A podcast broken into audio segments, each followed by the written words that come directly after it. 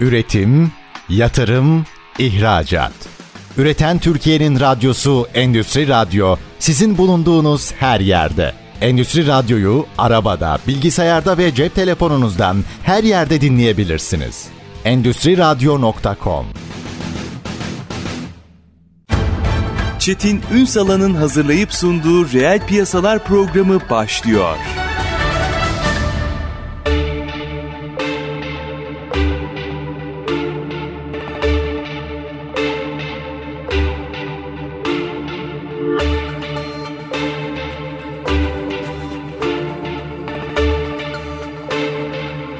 Reel piyasalardan merhabalar. Türkiye'nin gerçek gündeminde birlikteyiz efendim. Enerji. Enerji ihtiyacı arttıkça aslında dünyada güneş enerjisi başta olmak üzere yenilenebilir enerjiye çok daha eğilimin büyüdüğünü görüyoruz. Zaten böyle bir eğilim vardı. Bunun altını çizelim ama özellikle Ukrayna-Rusya savaşından sonra Avrupa'da işlerin biraz daha öne çekilmesi, güneş başta olmak üzere yenilenebilir enerjiyi de ön plana çıkardı. Tabii sadece iş burada bitmiyor. Burada beraberinde gelen teknolojiler var. Bilhassa robotik teknolojiler. Çünkü bir güneş panelini koydunuz hadi arkamızı dönüp gidelim olmuyor. Oradaki verimlilik hesapları, oradaki yani bir toz tabakası bile güneşteki verimliliğinizi etkileyebiliyor. İşte bu konuyla ilgili aslında robotik teknolojileri hem işin yenilenebilir tarafını hem de robotik teknolojiler tarafını konuşacağız. Biraz 2023 değerlendirmesini yapacağız. Hem yerel pazarda hem uluslararası pazarda biraz da 2024 öngörülerini konuşacağız. Kıymetli bir konumuz var. Robsis CEO'su Turgut Çağatay. Bugün reel piyasaların konu. Sayın Çağatay hoş geldiniz efendim. Merhabalar Çetin Bey hoş bulduk. Var olunuz. Davetiniz için de teşekkür ederim. Estağfurullah. Biraz bilgilerinizi sömüreceğiz.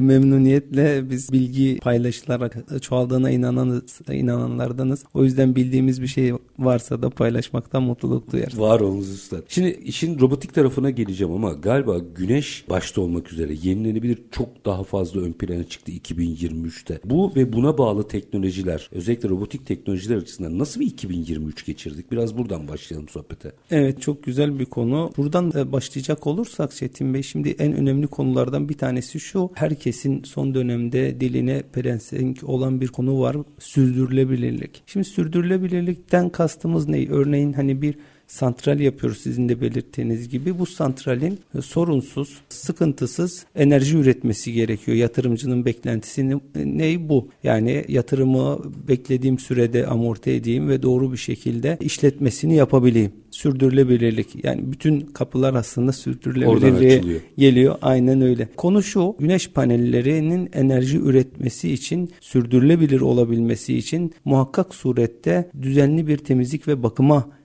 ihtiyaç duyuyor. Çünkü bu güneş ışını ile enerji üreten bir yapı ışının üzerini kapattığınız zaman gölgelenme başladığı anda andan itibaren diyeyim hatta enerji kaybı başlıyor. Bu da işte maddi kayıplar, bunun yanında panel kayıpları, manevi kayıplar, yatırımın geri dönüş süresinin uzaması bir sürü sorunu beraberinde getiriyor. Ve galiba en tehlikelisi de fark edilemiyor olması. Yani orada yine bir enerji üretiliyor ama bir bakıyorsunuz %20 düşmüş, 30 düşmüş. Siz enerji ürettiğiniz için çok fark edemiyorsunuz da doğru bir hesaplama yapmazsanız. Kesinlikle doğru bir nokta. Hani kaçan balığın hesap edilmemesi yani neydi büyük müydü küçük müydü? Şimdi yatırımcı yatırımı yapıyor hali hazırda akan bir e, şey olduğu için bunun farkına varmıyor. İki sene sonra, üç sene sonra bir bakıyor ki paneller oksitlenmiş, kirlenmekten artık temizlenemez hale gelmiş. E paneller garanti dışına çıktı ve o kaybolan enerjiyi tekrar geri kazanmak da ciddi bir sorun. Örneğin oksitlendiği zaman, kirlendiği zaman, üzerindeki kir katmanlaştığı zaman tekrar onu temizlemek ciddi bir mesele. E, o yüzden de bunun gerçekten farkındalığının artırılması lazım. Bir dakika. Şimdi çok enteresan bir şey söylüyorsunuz. Yani işte ben diyelim bir yıl boyunca temizlemedim. Hadi bir temizledim geçti değil. Onun periyodik olarak sistematik olarak temizlenmesi lazım. Kesinlikle. Öyle mi? Oradaki kalıntılar temizlenmiyor bir süre sonra doğru Kesinlikle mu? öyle. Çünkü panel e, ne oluyor? Yazın çok ısınıyor. Havanın sıcak olduğu dönemlerde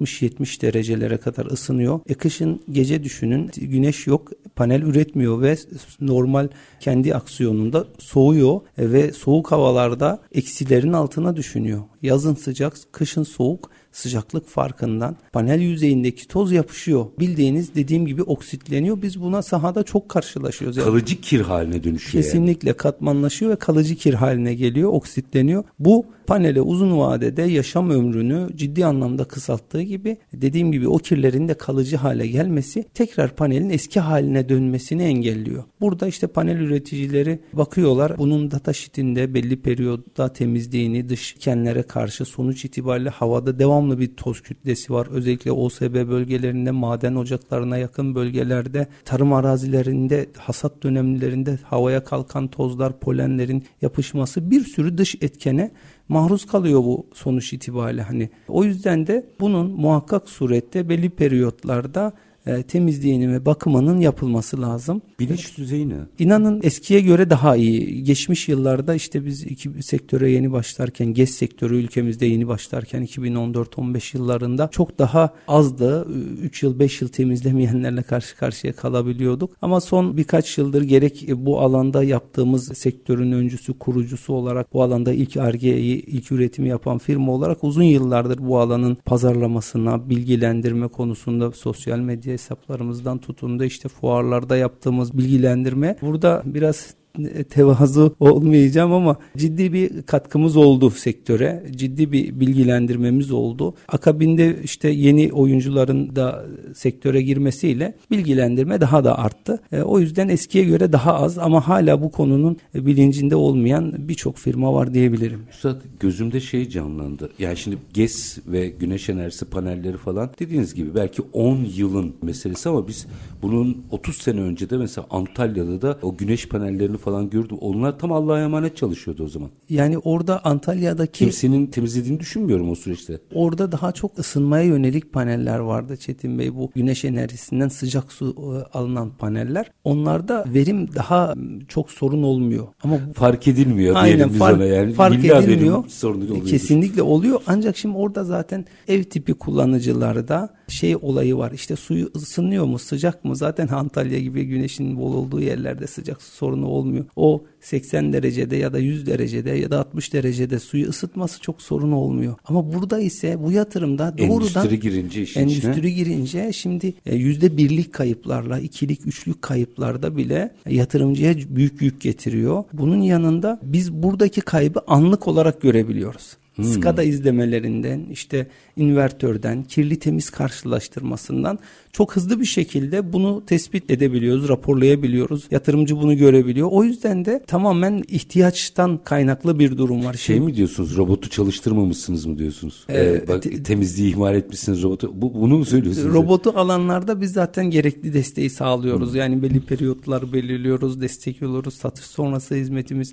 eğitimlerle oradaki çalışan personeli yetiştiriyor ama Buradaki konu daha çok bu hizmeti alma noktasında bilgi sahibi olmayan ya da işte ön yargıyla yaklaşan bir kitle var. Bu gruplarda daha çok yani bu konuyu ya sıcak bakmayan ya da bu konunun önemini bilmeyen desem daha doğru olur. Böyle bir durum var. Burada sektöre büyük önem, görev düşüyor. Panel üreticileri ve kurulum firmalarımız. Sanıyorum onu satarken ve kurarken bu uyarıyı mutlaka yapmaları Kesinlikle gerekiyor. Kesinlikle yapması gerekiyor, yapmaları gerekiyor. Burada dediğim gibi bunu gündeme gelmemesi genelde hani burada amacım tabii firmalarımız hakkında bir yargıda bulunmak değil. Kötü niyet olmayabilir, ihmal olabilir. Aynen Bunu bu şey... farkındalık olmayabilir. Çünkü herkes kendi ürününü öncelemeye Çok çalışır. Doğru. Kendi pazarlamasını yapmaya çalışır. Kurduktan sonra devamında işte bu ne kadar süreklilik e, şekilde enerji üretecek ya da bu yatırımcı bunu nasıl yapacak artık onun sorunu olarak görüyor. Biraz da halklılık payı olabilir ama bildirmekte, anlatmakta bence fayda var. Üstad amortisman süreleri süreçlerini bile fark ettirir bu. Şöyle oradaki enerji kaybı. İnanın Çetin Bey biz bazı santrallerde gidiyoruz. İşte robotun bir maliyeti var diyelim e, bizim robotlarımız 10 bin dolarla 30 bin dolar arasında örneğin bir bandımız var. Gidiyoruz santral 5 megawatt %25 kayıp var. Üzerinde bir parmak kalınlığında toz var. Robot bir sefer temizlediği zaman anından zaten bir aylık bir enerji artışıyla bile robotun parası çıkabiliyor. Tabii bu projeden projeye değişiyor. Projenin büyüklüğüne göre, küçüklüğüne göre ama ortalama 3 ay ile 3 yıl arasında çok rahat bir şekilde kendini amorti ediyor sistem olarak ama genelde bir yılı bulmuyor. Ama onun ötesinde eğer anladığım kadarıyla temizlik olmazsa şimdi panel yatırımının bir geri dönüş süresi var. Kesinlikle. Siz temizlemezseniz aslında süreyi uzatıyorsunuz.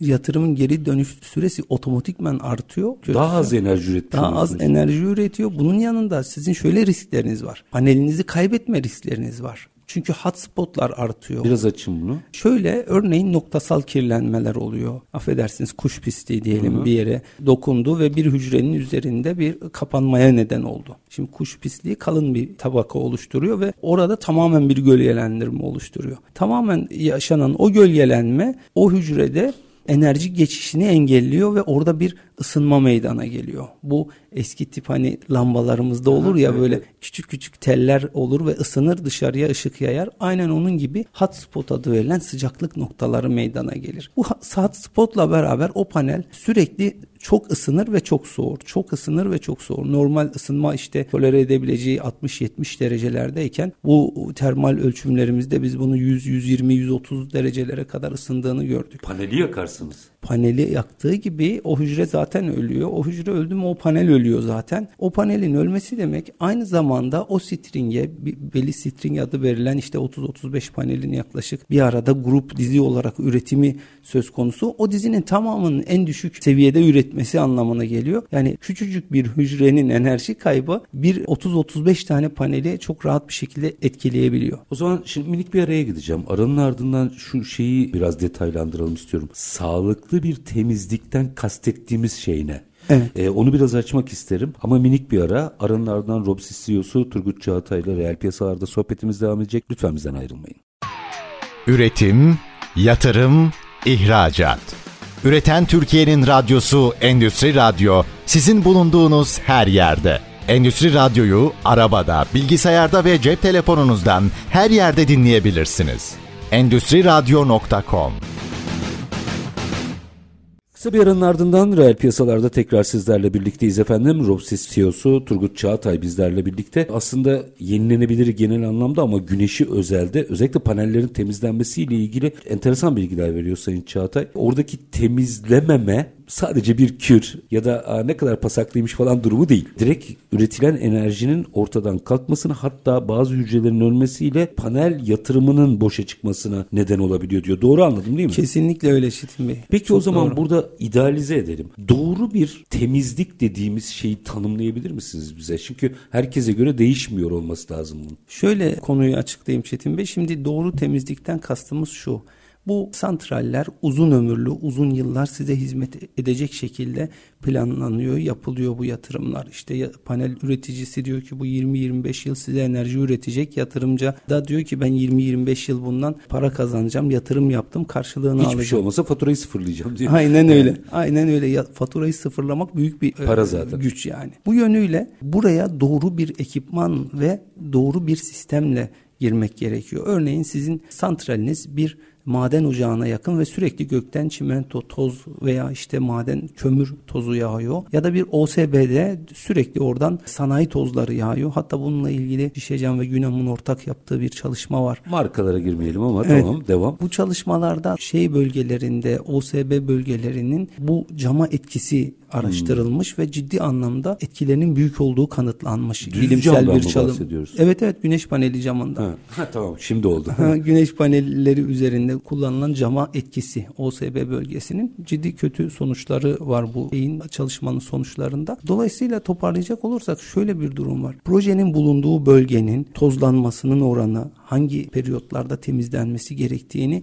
bir sefer bir tespit edilmesi lazım. Bu proje ayda bir mi enerji kaybetmeye başlıyor. Haftada bir mi, 10 günde bir mi, bir ayda bir mi, iki ayda bir mi? Örneğin bunun bir standardı var mı dersek yılda en az 3 defa temizlenmesi lazım bizim yaptığımız çalışmalara göre şimdiye kadar. Hangi bölgede olursa olsun. Hangi bölgede ol- olursa olsun minimum 2-3 defa temizlenmesi lazım. Sanıyorum bu çimento ve veya o sebelerde bir sayı arttırılabilir galiba. Bu sayı şöyle oraya gelecektim. Bazı bölgelerde ise her gün temizlenen yerler var. Örneğin karşıda bir çimento fabrikası var. Sürekli toz yağıyor. Akşamleyin temizliyorsunuz, sabah temizliyorsunuz, akşam geliyorsunuz gene toz var. Üretimin özelliği bu çünkü. Aynen öyle. Orada sürekli üretim oluyor. Sizin santralinizde de üretim olabilmesi için üzerinin temiz olması lazım. Bazı yerlerde günlük temizlik yapılan yerler var. Gene çöl bölgelerinde tozun çok yoğun olduğu bölgelerde oralarda da günlük temizlik yapılıyor. Hatta bununla ilgili otonom robotlar var. Bizde de var bu ürün grubundan. Koyuyorsunuz panelin projenin işte dizinin üzerine o kirlilik e, algoritmasıyla tozluluğu ölçüyor. Bir enerji kaybı var ve otonom devreye girerek temizliği sağlıyor. Bunun gibi öncelikle projenin hangi periyotlarda temizlenmesi gerektiği belirleniyor. Sonra da bir çalışma düzeni koyuluyor. İşte haftada bir temizleyelim, 10 günde bir, ayda bir. Bu bir yön yönü. Diğer bir yönü de sürekliliğin sağlanması için doğru ekipman kullanımı çok önemli. Çünkü burada bu güneş panelleri çok hassas malzemelerden silisyum adı verdiğimiz kum gibi dağılan hafif bir çok e, hassas bir malzemeden yapılıyor ve küçücük darbelerde bile mikro çatlaklara neden olabiliyor. O yüzden doğru ekipman enerjinin sürekliliği bunun yanında da malumunuz bu tür enerji santralleri yüksek gerilimlerin olduğu, trafoların olduğu, enerji akışının olduğu yerler bazı riskler barındırıyor. Nedir onlar? Hatta bunlar bazen çatı projelerinde düşme gibi, iş kazaları ha. gibi sorunlarla karşı karşıya kalınabiliyor. Bunların yaşanmaması için bu operasyonların çok hızlı, sorunsuz bir şekilde bitirilmesi gerekiyor. Bu yönüyle de robot kullanımı çok önemli. Robot evet. kullanımı gündeme Bunlar zaten geliyor. ihtimalle çatıda. En iyi ihtimalle daha farklı şey olabilir. Yani güneş tarlaları olabilir ama orada Hı. da zaten mesafe yok. Evet. Hareket edebileceğiniz. Zaten robottan başka bir alternatif de gözükmüyor bu. İle temizlenecek bir şey değil sanırım. Ya normalde bizim ülkemizde biliyorsunuz olmazlar ol, olabiliyor bazen. Normalde elle temizlenmez bu tür sanayi yatırımları, devasa yatırımlar ve de, devasa projeler. Bunların bir belli bir standartlarda yapılması gerekiyor bu işin ama bazen işte yatırımcılarımız konunun önemini bilmediği için ya iki tane fırça verelim arkadaşlara. Ya fabrikanın içeride. Camını temizlemiyorsunuz ki güneş paneli temizliyorsunuz. E, ne yazık ki böyle durumlar yaşanabiliyor. İşte bizim Gerçek, görevimiz gerçekten evet, elle evet. temizleniyor mu? E, evet elle temizleyenler fırçayla hatta normalde panelin üzerine elle bile basılmaz ama ayakla üstünden yürüyerek temizleyenlerle karşılaşabiliyoruz. Çünkü oradaki çalışan arkadaş bu konuyu bilmiyor. Hani onun da bir suçu yok Tabii aslında. Bilmesi mümkün değil. Onu oraya gönderen kişilerin öncelikle bu güneş paneli yatırımının ne olduğunu, panelin ne olduğunu biz mesela satış sonrası hizmetlerimizde bunların tüm eğitimlerini veriyoruz. Sadece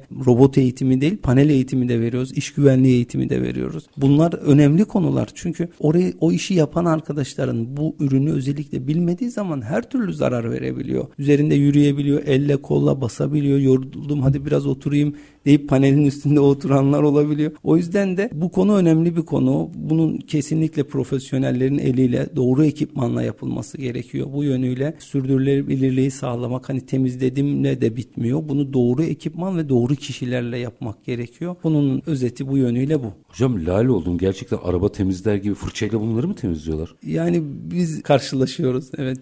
Enteresan.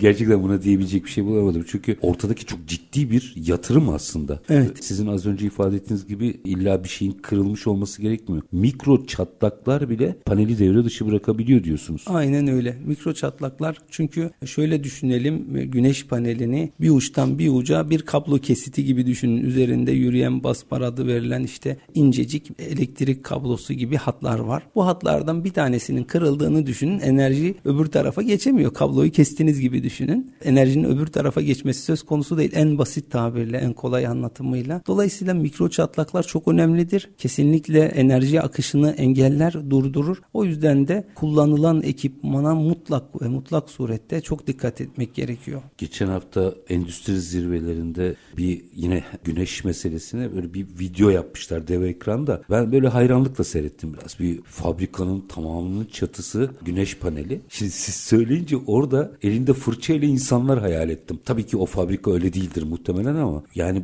Peki bunu söylediğinizde anlattığınızda ne deniyor? Doğru bir şekilde anlattığımızda tabii yatırımcının ilgisini çekiyor. Yani bu riskleri anlattığımız zaman, bilgilendirdiğimiz zaman yatırımcılar bu konuda aksiyon alabiliyor. Temel mesele burada pazar hızlı büyüyor. Biz herkese de ulaşamıyoruz. Yani ulaşamadıklarımızda böyle durumlar oluyor ama duyarlı, işte yaptığı yatırımın bilincinde olan firma yetkilileri, sahipleri, yatırımcılar, kurulum firmaları, panel firmaları bu konuda duyarlılar. Yani doğru ürün kullanımını, doğru temizliği mutlaka öneriyorlar. Hatta bazı panel firmaları bizim robotlarımızı öneriyorlar. Başka robot kullanmayın diyorlar. Çünkü bizim robotlarımız örneğin panelle zarar verme toleranslarının çok çok gerisindeler. Bu arada diğer robot firmalarında cevap hakkı saklıdır tabii. Ke- kesinlikle. Onu öyle demeyelim. Ke- kesinlikle öyle. Bu konuda biz biraz iddialıyız. Yani sektöre ilk başlamamız nedeniyle uzun yıllar bu alanda ARGE faaliyetlerinde bulunmamızın neticesi olarak test süremiz çok fazla. Kullanım süremiz çok fazla. Uzun yıllar bu konuda çalışma yaptığımızdan bu konuda biraz daha iddialı olduğumuzu söyleyebilirim yani. Orada merak ettiğim bir şey var. Şimdi yine o video oldaki çatı üstü gözümün önünde hep. Siz anlatırken hep gözümün önüne geliyor.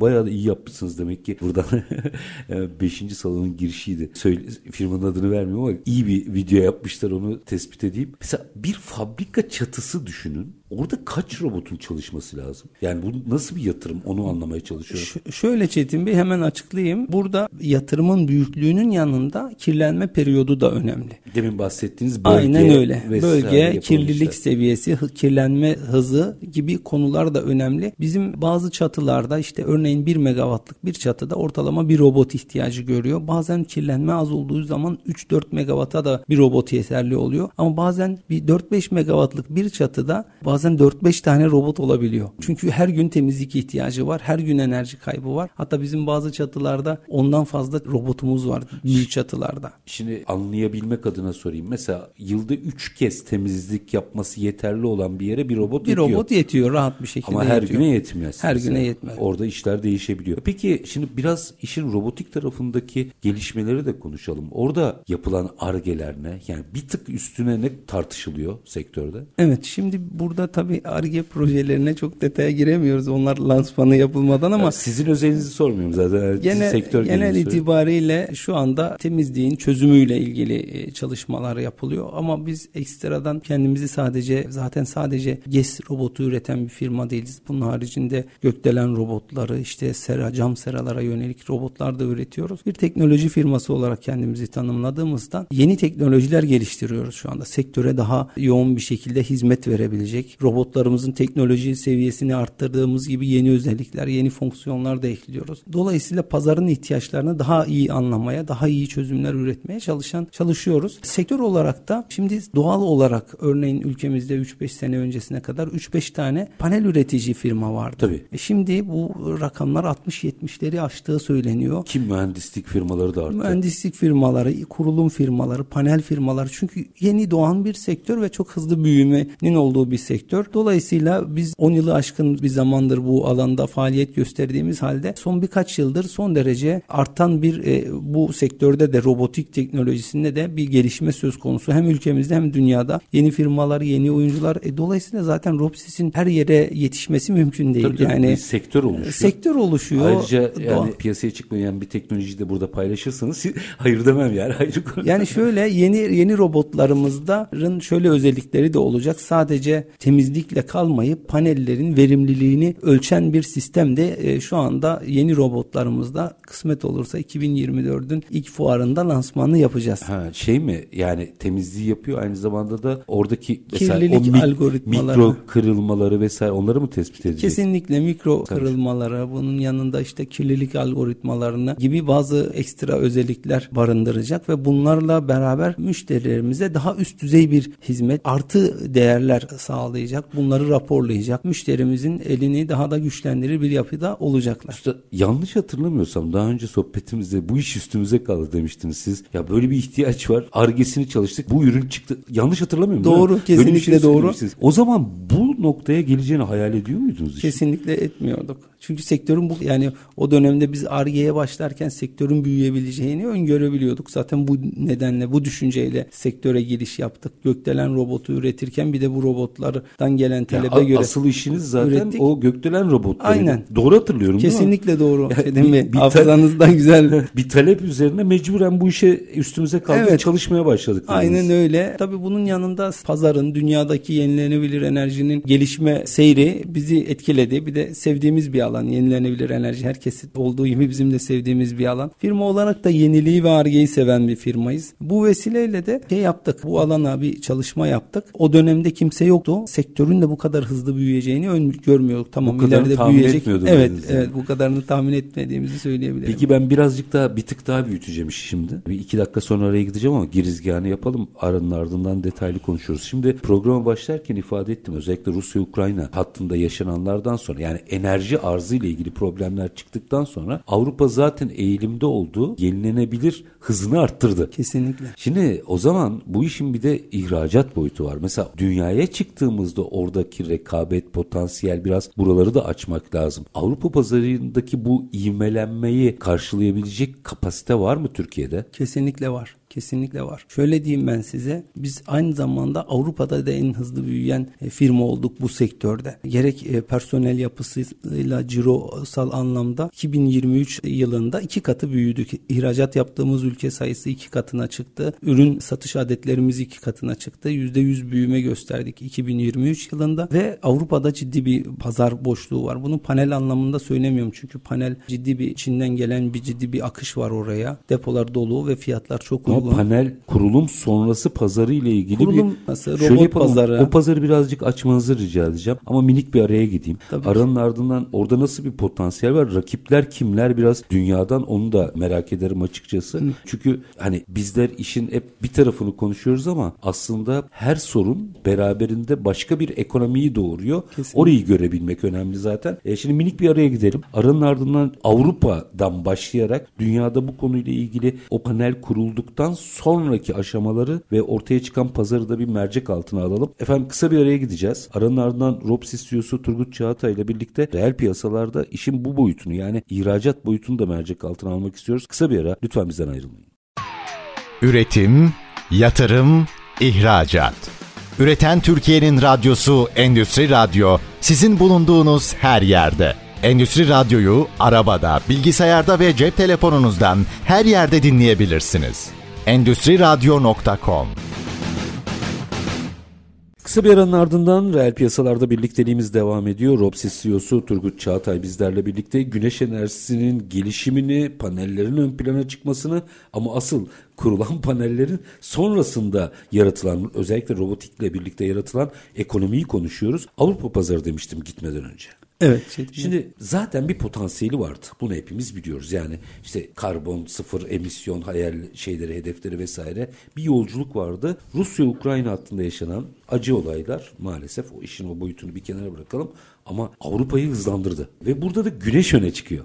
Yani birçok her tür tabii ki yenilenebilir konuşuluyor ama güneş çok öne çıkıyor. Şimdi o zaman orada hızlanan bir pazar yani çünkü bugünden hesap etseniz belli bir projeksiyon yaparak pazara girersiniz. Hızlanma aynı zamanda rakiplerin de iştahını arttıracaktır dünyada. Biraz o Avrupa pazarındaki gelişimi, rakipleri, dünyadan rakipleri ve nasıl pozisyonlanılacağını biraz anlatabilir misiniz bize? Tabii ki şöyle sizin de belirttiğiniz gibi Rusya-Ukrayna savaşından sonra tüm dünyada daha da enerjinin stratejik ürün olma e, özelliği daha çok insanların gündemine geldi ve hedefler 3 katı arttırıldı birçok yerde. Bu da tabii sektörün daha hızlı dinamik hale gelmesine neden oldu. Burada biz nerede devreye giriyoruz burada? İşte kurulumlar yapılıyor. E, kurulumların tekrar başa dönüyoruz. Sürdürülebilir olabilmesi için devamlı sürekli enerji üretimi üretebilmesi için bunun bakım ve temizliğinin yapılması lazım. Bu yüzden de örneğin 2022-2023 yılları kurulum yönüyle daha fazla ön plandaydı ama artık bakım ve temizlik çünkü Tabii. kurulumlar yapıldı artık bunların devamlı işletmesine sıra geldi. Burada da kirlendikçe temizlik ihtiyacı ortaya çıkıyor ve burada firmalar bu tür arayışlara giriyor. Piyasaya yeni çıkan ürünler, yeni teknolojiler biz de deminki konuşmamızda da bahsetmiştim. Bizim avantajımız burada şu sektör daha yeni başlarken yani bu fırsatlar bu kadar büyük değilken Ukrayna Savaşı'ndan önce Paris İklim Anlaşması'na Türkiye girmeden önce 2014-15 yıllarından bu yana çalışmalarımızdan sonra ürünlerimizin belli bir seviyeye ulaştı. Konjonktüre hazır yakalanmak. Hazır yakalandı. Yani, Kesinlikle pazar hazır olduğu zaman biz de hazır olmuş olduk. Ürünüm, ürünlerimiz hazırdı. Bu yönüyle Avrupa pazarındaki ürünlerinden, rakiplerimizden çok daha verimli, çok daha pazara uygun ürünler ortaya çıkarabildik. Biraz önce demiştim tekrar güneş panelinin hassas olması ve ürünün de bu yönüyle hassas olması gerekiyor. O yüzden de biz bu hassasiyeti yakaladık. İşte Or- ağırlık orada durar- bilin- bilinç daha yüksek olabilir mi? Onlar iyi matematik yaparlar çünkü. Yani yaparlar ama sektör yeni olması hasebiyle maalesef bütün dünyada böyle bir Aynı sorun orada da mı var? Aynı sorun orada da var. Yani bütün dünyada var diyebilirim. Çünkü bu bilinçlenme henüz oturmuş değil. Sektör oturmuş değil. Yani biz tamam paneli ürettik, kurulumunu yaptık. Sonraki aşamada işletme geliyor. Yani belli bir periyotta geldiği için hani doğrudan suçlamak anlamında değil ama bir doğal oluru olarak yeni yeni bu işlerin gündeme gelmesi tüm dünyada e, söz konusu. Ama tabii bilinçlenme de ona göre hızlanıyor. Yani o çünkü- zaman şöyle bir şey açayım da hani beyin fırtınası yapalım. Türkiye'den mesela orada proje yapmaya giden çok sayıda firma var. Biliyorum. Yani hep konuşuyoruz zaman zaman diyoruz. Belki bu işleri paket gitmek lazım. Yani o güneş panel, panellerini kurup enerjiyi de santrali de devreye soktuktan sonra bunu da bir paketin parçası yani işbirliği yaparak gitmek lazım belki de. Bilinç böyle artacak. Yani ben size bu santrali kurdum ama diye başlayan cümleler kurmak gerekiyor sanıyorum. Bunun yanında işte bunu yapan firmalarımız var. Çok da güzel yapıyorlar ve başarılı sonuçlar da elde ediyorlar. Bundan 4 sene önce bizden robot alan bir firmamız hatta isim vermek doğru olmaz. Olmaz. Bu çok güzel pazarlamalarını yaptı. Biz sadece kurulumla ilgilenmiyoruz. Kurulumdan sonra da sizi düşünüyoruz. Bunu robotla temizliyoruz. Teknolojik olarak bir yatırım yapıyoruz. Bakımlarını en iyi şekilde yapıyoruz teknolojiyle gene. Bunlar firmanın elini güçlendiren pazarlamada bir unsur. Artı Türk firmaları olarak bu dayanışmayı gösterirseniz bizim asıl katma değeri orada yakalayacağız. Kesinlikle öyle. O da olayın bir yönü. Ama bu pazarda bu temizlik olayının yeni yeni daha çok bir büyümesi söz konusu diyebiliriz. Çünkü yeni yeni bilinçlenme artıyor. Enerji kayıpları daha çok gündeme geliyor. Eskiden yüzde bir iki işte bir şey oluşturmazken sorun oluşturmazken şimdi biriken enerji kayıpları yüzde dört beş onlara on beşlere ulaşınca doğrudan cebe dokunan bir hale geliyor ve insanlar araştırmalara giriyor. Hassas nokta o zaten. Yani bu bir pasak meselesi olsa yani kişisel bir şey olabilir ama verimden bahsediyorsunuz. Aynen öyle. Yani çatıda kirli de olsa bana bir zararı yok. Bir misafir ağırlamıyorum orada sonuçta mantık olarak ama sonuçta para kaybetmeye başlayınca gündeme gelmeye başlıyor. Dünyada bizim yerli ürünlerin muadili ülkeler kim? Rakip Yerli kim? muadili ülkeler Almanya'da iki firmamız var. Gene Lüksemburg'da var. Onun dışında böyle güçlü bir firmalar var diyemem. Sektör yeni olması nedeniyle. Bizim de eski başlamamız nedeniyle dediğim gibi başka bir avantajlarımız var. Uzun Siz dünyada da eski başlayanlardansınız. Evet evet galiba. dünyada da ilk başlayanlardanız. Hatta gökdelen sektöründe dünyada iki firmadan biriyiz. Bu sektörde de 3-4 firmadan biriyiz diyebilirim. Sektör yeni başlarken başlamamızdan kastettiğim o aslında Yani biz global niş- sektör. Sizin o gün hani ya ne yapalım biz çözelim bu işi diye başladığınız şeyden biz tesadüfen niş bir alan yakalamışız o zaman. Aynen öyle. Kesinlikle öyle. Yakalamış ve ve bunu da fırsata çevirmişiz. Bizim için hem firma olarak hem ülke olarak bundan mutluluk da duyuyoruz. Çünkü hali hazırda Ropsis 80 ülkede tescil edilmiş bir marka. İhracat yaptığı ülke sayısı işte 10'u geçmiş. 13 ülkeye ihracat yapmışız ve bunun hedeflediğimiz 2024'te 20'yi aşmak, 2025'te Amerika pazarına hazırlık yapıyoruz. Bunun gibi önemli bir altyapı oluşturmamız söz konusu. Bunun Amerika için de çalışıyoruz. tabii sadece güneş değil orada gökdelenlerde de iyi Aynen. bir pazar var değil mi? Kesinlikle öyle ciddi bir pazar var. Şu anda odamız güneş bu arada. Hani güneş üzerine ciddi bir yoğunluk olduğu için inanın diğer sektörlerimizde şu anda yoğun bir pazarlama faaliyetimiz yok. Sevdiniz bu alanı. Çok sevdik evet.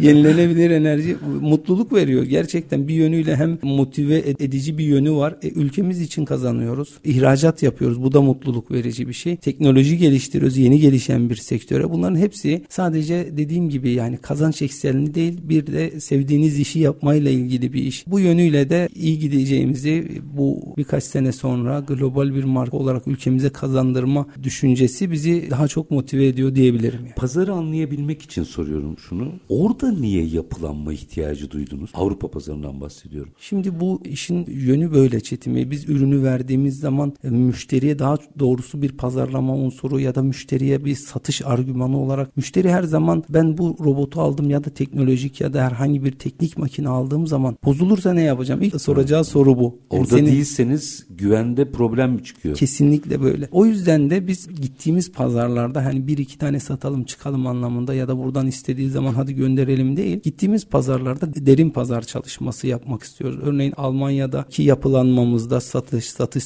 sonrası hizmetler, teslimat konularında çok hızlı aksiyon alıyoruz. Almanya'daki şirketimiz müşteride bir güven oluşturuyor ve diyor ki yani burada ihtiyacın olduğu her an sizin yanınızdayım. Servisimle, teslimatımla. Bunlar bizim satışlarımıza ciddi anlamda katkı sağladı. Bunu istiyor Pazarda, yani Avrupa'da öyle Kesinlikle mi? istiyor ve bunu hatta ya. bazen olmazsa olmaz diyor ya, ya ben sizden sırf alırım buradan ama. mal satmak yetmiyor. Anladığım kadarıyla orada da yapılanacaksınız. Kesinlikle bu sadece Almanya özelinde değil. Biz Avrupa Almanya'dan tüm Avrupa'ya Dünyada şu anda da hizmet uzak veriyoruz. pazarlarda da durum çok değişik değildir. Mesela Amerika operasyonunu hayal ediyorsunuz. Amerika'da da bir yer olmak durumunda sanıyorum. Kesinlikle öyle. Zaten biz o amaçla hani bir fizibilite çalışmaları için bu yıldan bir altyapı oluşturmak için bir çalışmamız var. Bir ziyaret edeceğiz oradaki pazar pazar dinamiklerini, fuarları. Ama Avrupa'da şu anda bunun gerçekten iyi sonuçlarını aldık. Ben bunu böyle bir niyeti olan tüm firmalarımıza öneriyorum. Pazarda varsanız yani orada yerelde güçlüyseniz, Fiziki. fiziken varsanız, güçlüyseniz bir satış ekibiniz ya da bir satış sonrası hizmet ekibiniz varsa burada elinizi çok güçlendiriyor bu, bu durum. Yani o yüzden de bunu öneriyorum. Bu bize çok ciddi anlamda fayda sağladı diyebilirim. Merak ettiğim yine hususlardan biri. Şimdi aslında çok ilginç. Bunlar uzaktan da tamiratı yapılabiliyor. Yazılımları falan öyle bir durum var mı? Bilmediğim için soruyorum. Bunlar mümkün. Bunları yapıyoruz zaten. Bunları da yapıyoruz. Ama Bu önemli. Inanın, Ama bakın alışkanlık değişmiyor demek Değişmiyor. Ki. Yine de e, müşteride güven oluşturmak için ya ben buradayım. Burada ol diyor. Burada ol diyor. Çünkü bir de olayın şu boyutu da var. Tabii biz gerçekten müşteri odaklı bir firmayız ve biz bugüne kadar bizden sorun yaşayan bir müşterimizi ben bilmiyorum. Yani ona eminim. Ama bu, olayın bu yönüyle olay garip. Bakın evet. yeni bir teknolojiden bahsediyoruz. Robotikten, yazılımdan, aslında rahatlıkla uzaktan müdahale edilebilecek bir üründen. Buna rağmen sadece bizde değil, dünyanın her yerinde yok kardeşim burada ol diyor yani. Aynen öyle. Bunun şu şöyle bir boyutu var Çetin Bey. Örneğin müşteriyle dediğim gibi böyle sorun yaşayan bir firma değiliz ama insanlar birbirleriyle sorun yaşıyorlar. Şüphesiz. Yaşandığı zaman ben hangi kanuna göre seninle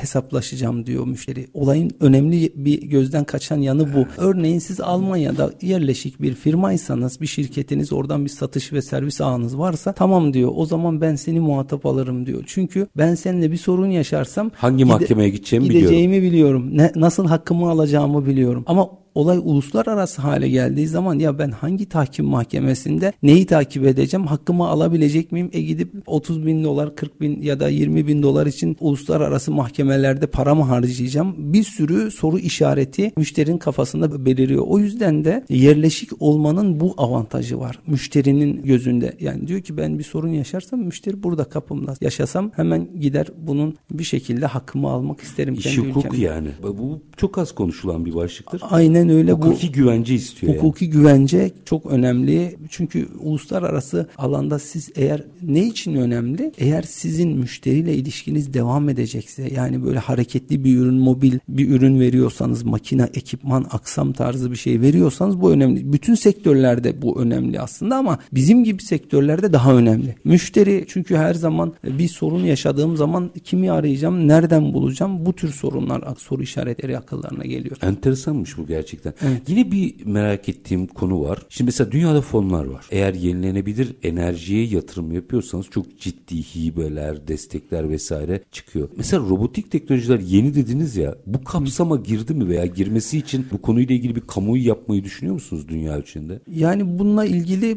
başladık diyebilirim. Yeni başladık diyebilirim. Yani burada lobiden kastımız aslında bizim insanların gündemine bunu getirmemiz lazım. Örneğin ben geçen hafta bakanlık yetkilileriyle bir toplantımız vardı. Bir görüşmemiz oldu. Ne yazık ki e, yeterince anlatamadık. Örneğin ülkemizde 10 gigawattı, gigawattı aşkın bir güneş kurulumumuz var. Ciddi bir enerji kaybımız var. Enerjiyi dışarıdan alan bir ülkeyiz. 10 gigawatttan düşünün %3-5'lik bir kayıp. Çok büyük kayıp. Ülkemiz için nasıl bir fatura siz varın hesaplayın. Şeyi anlatamıyor, anlatmakta güçlük çekiyorsunuz galiba. Bu bir temizlik değil, bu bir verimlilik. Kesinlikle olmazsa olmaz bir konu olduğunu anlatamıyoruz. Yani yeni oldu olduğu için mi dersiniz artık? Çünkü insanlar bazen odağına temel konuları işte panel invertör. Panel invertör de tamam panelde yüzde bir verimlilik müşteriler için çok dikkat çekici olabiliyor. E işte bakanlık için ya da başka birimler için ama bir yüzde beşlik yüzde onluk bir kayıp gözden kaçabiliyor. Devede kulak bile değil yüzde bir verimlilik şeyde giden kaybolan enerjinin yanında. Neden bu gündeme alınmıyor da bu diğer konular bu kadar çok gündem oluyor? Bunu anlatmamız lazım. Çok büyük bir çelişki bu. Yani ama bu anladığım kadarıyla meseleye daha vakıf olamamaktan kaynaklanıyor. Dediğim gibi meselenin temizlik olarak algılanmasından temizlik tabii ki temizlik de temizliğin sonunda üretilen elektriğin verimliliğine etki ettiğinden bahsetmek gerekiyor galiba. Kesinlikle Bunu, öyle. Bu boyut anlatılamıyor. Elde galiba. edilen faydanın boyutunu anlamak istemiyor. Yani dediğiniz gibi ya kirli de olsa ne olur yani sen misafir mi ağırlıyor? Böyle diyenler var. O yüzden de lafı duydunuz mu? evet evet. Ya misafir mi ağırlıyor? Çatı kirli olsa ne olur? Abi kirli olsa çok şey olur. Yani sen bir sefer para kaybediyorsun panel kaybediyorsun. Uzun vadede yatırımın geri dönüş süresi uzuyor. Bir sürü sorunu beraberinde getiriyor. Bunu dediğim gibi tabii kırdık. Büyük oranda kırdık anlatmak suretiyle fuarlarda, pazarlama faaliyetlerimizde gittiğimiz yerlerde şu ana kadar yüzlerce firmaya sunum yapmamız, ıı, yapmakla ciddi bir kırıldı diyebilirim. Bunun yanında şey de var yani akademik çalışmalar da var. Üniversitelerin yaptığı güzel çalışmalar var. Bunları müşterilerimize ulaştırıyoruz. Ya yani hani bize verilerle mi ortaya koyuyorlar? Tabii, tabii verilerle ortaya koyuyoruz. Kayıp hesaplama tablolarıyla, bilimsel makalelerle, çalışmalarla. Bunlar elimizi güçlendiriyor tabii. İnanıyorum ki uzun vadede bu iş olmazsa olmaz bir noktaya herkes tarafından bilinecek ve gelecek. Zor bir yolculuk. Yani bir, bir şeyi ilk başta yakalamanın da böyle zorlukları var. Evet. Dert anlatmanın e, zorlukları. Sadece Türkiye olsa iyi. Dünyada da ilk yakalayanlardan biri olduğunuz için bunu sadece bize değil dünyaya da anlatmak durumundasın zaten. Kesinlikle doğru. Anlatıyoruz da inşallah iyi sonuçlar alacağımızı düşünüyorum. Süren bir tabii bir şey merak ettim. Sormazsam aklımda kalacak. Bir çatıdaki uygulamayla bir panel, güneş panel tarlasındaki uygulamada teknoloji değişiyor mu robotik teknoloji? Yani çok farklı formlara giriyor diyelim. Yani hmm. bizim temelde kullandığımız işte fırça gövde otomasyon bunlar değişmiyor temel teknolojiler ama form değişiyor. Robotun boyu değişiyor. İşte uzaması, kısalması ya da farklı bir özellikte olması, birinin raylarda yürümesi, birinin panelli yüzeyinde yürümesi gibi palet teknolojisi. Yani. Evet biraz ürün Şeyden merak ettim de özellikle Libya, Mısır vesaire orada Avrupalı yatırımcıların çok sayıda güneş tarlaları var da evet. orası da bir potansiyel olabilir mi diye merak ettim. Kesinlikle oluyor. Bizim yeni geliştirdiğimiz ürünlerde bu pazarlara cevap veriyor şu anda. Birleşik Arap Emirlikleri'ne çalışıyor musunuz? Birleşik Arap Emirlikleri'nde bu sektör yeni yeni gelişiyor Çetin O yüzden Bey. onların da böyle yatırım eğilimleri var ya. Aynen. Şimdi bunların orada bazen feasible olmayabiliyor bu yatırımlar. Çünkü çöllerin tabii çok güneş güneş alma potansiyeli çok yüksek ama bir de işletme maliyetleri, tozlanma olayı bir de işte rüzgar faktörü çünkü onlara sürekli bence işte, orada daha çok ihtiyaç var. Orada kesinlikle daha çok ihtiyaç var ama biliyorsunuz onlar uzun yıllar petrolle idare ettiği fosil yakıtlarla yeni yeni başlıyorlar. Yeni yeni Bunu bu yatırımları da işte başka ülkelerde de değerlendiriyorlar. İşte bu sene Körfez sermayesi olarak işte 30 milyar dolardan filan bahsediliyor. Böyle bir yatırım yapılacağı düşünülüyor yenilenebilir enerji sektörüne. Hatta ülkemizde bu kadar düşünüyorlar. Başka yerlerde de devamlı yapıyor zaten. İşte Birleşik Arap Emirlikleri'nin devlet firması var. Mastar Hı-hı. şirketi. Hı-hı. Onlar devamlı zaten yurt dışına yatırımlar, kurulumlar yapıyorlar büyük ölçekli projelerle. Yani günün sonunda aslında siz bir yolculuk yapıyorsunuz. Önce görmenin dezavantajları var ama önce görmenin avantajları da devasa bir dünya pazarı. Biz de yolculuğu takip ediyoruz. Unutmamışım bakın en son konuşmamızdan evet. beri aklımda kalanlar ama gördüğüm kadarıyla fırçayla temizlemeyin. o kadar söyleyeyim. Yani temizleyin ama fırçayla temizlemeyin. Son bir cümle alayım veda edeyim size. Yani yeni bir yıla giriyoruz. Herkese verimli, güzel, sürdürülebilir bir yıl diliyorum öncelikle. Bu konu önemli bir konu. İnşallah sonraki zamanlarda daha çok gündeme gelecektir. Daha çok verimli olacaktır. Biz de Robus olarak e, yeni hedeflerle, yeni ideallerle yolumuza devam ediyoruz. Tekrar ziyaretiniz için teşekkür ederim. Estağfurullah. Ben teşekkür ederim. Bu arada o demin anlatamadığınız ARGE projeleri çıkınca da teknolojiyi merak ederim. Takipte kalalım. Robsis CEO'su Turgut Çağatay. Çok çok teşekkür ediyorum efendim. Sağ ben olun. de teşekkür ederim. Görüşmek üzere diyoruz. Efendim güneş Yani zaten yenilenebilir genel üst başlık dünyada çok eğilimi olan. Bunun içerisinde güneş ön plana çıkıyor. Dünyanın her yerine eşit dağıldığı için tırnak içerisinde tabii ki farklı ışımalar var. Ama herkese demokratik bir enerji kaynağı aldığı için güneş panelleri kuruluyor. Sonrasındaki verimden bahsediyoruz. Konuştuklarımız elbette kendi içerisinde çok farklı bakış açıları konuştuk ama en önemlisi bunun bir temizlik değil. Sayın Çağatay da sanıyorum sadece bize değil dünyaya da bunu anlatmaya çalışıyor. Bu bir temizlik değil, verimlilik meselesi. Hatta panelleri kurtarma meselesi. Biz detayları konuştuk. Takdir sizin. Her zamanki gibi bitirelim. Şartlar ne olursa olsun paranızı ticarete, üretime yatırmaktan, işinizi layıkıyla yapmaktan ama en önemlisi vatandaş olup hakkınızı aramaktan vazgeçmeyin. Hoşçakalın efendim.